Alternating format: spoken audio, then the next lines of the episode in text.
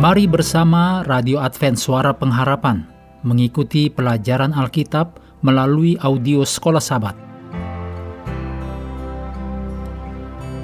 Selanjutnya, kita masuk untuk pelajaran ke-9, periode 25 November sampai 1 Desember.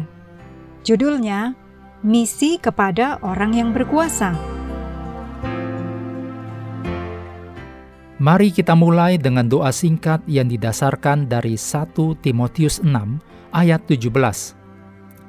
Jangan berharap pada sesuatu yang tak tentu seperti kekayaan, melainkan pada Allah yang dalam kekayaannya memberikan kepada kita segala sesuatu untuk dinikmati. Amin.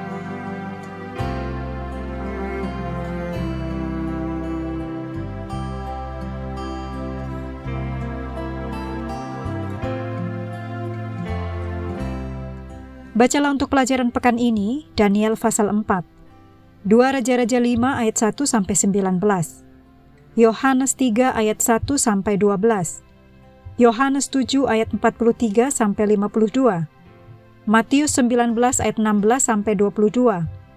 Yohanes 19 ayat 38 sampai 42.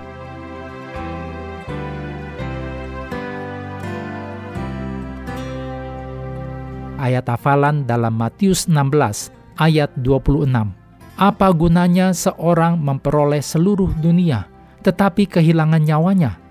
Dan apakah yang dapat diberikannya sebagai ganti nyawanya?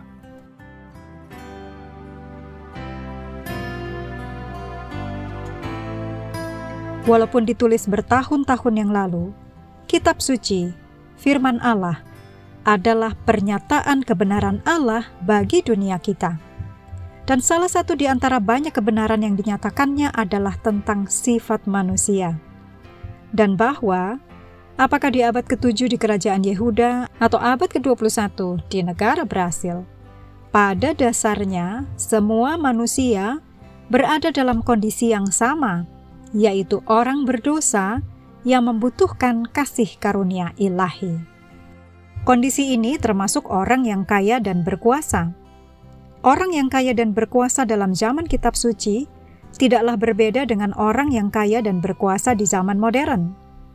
Secara khusus, dalam hal mengejar kekayaan, ketenaran, dan kuasa, dan bahkan, walaupun tidak selalu, mengorbankan orang-orang yang tidak berdaya. Tetapi Allah peduli dengan keselamatan dari orang-orang kaya dan berkuasa, sama seperti Allah peduli dengan mereka yang lemah dan berkekurangan. Kitab suci menyediakan beberapa contoh yang mencolok dari tokoh-tokoh kitab suci yang berkuasa, atau kaya, atau kedua-duanya, dan bagaimana Allah menggunakan mereka untuk menjadi berkat bagi bangsa-bangsa. Sebagai contoh, Abraham, Ishak, Ayub, Salomo, dan Yusuf.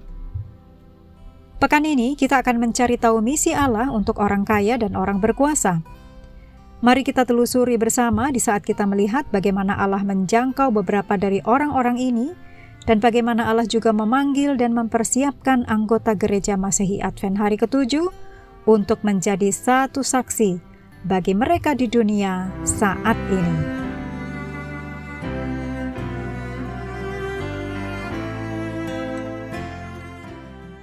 Kami terus mendorong Anda mengambil waktu bersekutu dengan Tuhan setiap hari, baik melalui renungan harian, pelajaran sekolah sahabat, juga bacaan Alkitab sedunia, percayalah kepada nabi-nabinya, yang untuk hari ini melanjutkan dari Yesaya pasal 2. Tuhan memberkati kita semua.